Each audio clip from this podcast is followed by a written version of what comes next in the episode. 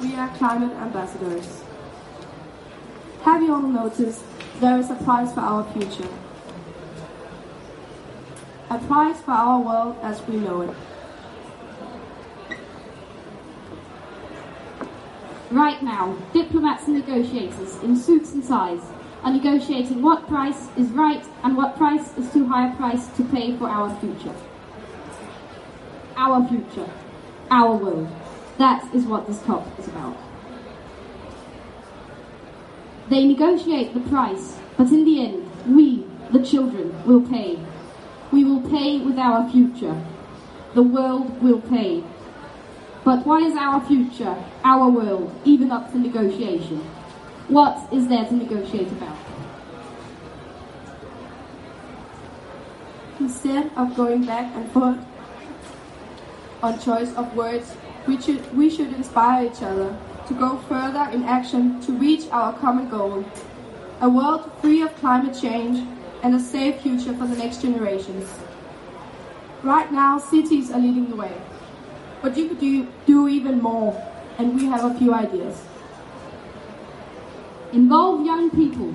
We should be heard in decisions affecting us, and climate change should be part of our class curriculum from first grade.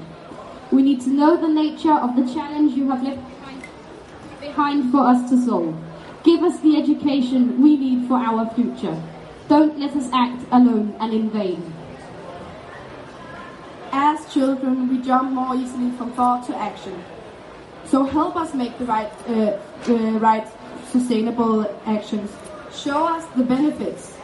When we know about climate change, we want to contribute. It can be through recycling, or using public transportation, or eating less meat. Our early habits will help shape the future. Make it easy and fun to do the right thing. We have a choice to make. We are children, but we know that action has a price. But there is also a price for doing nothing.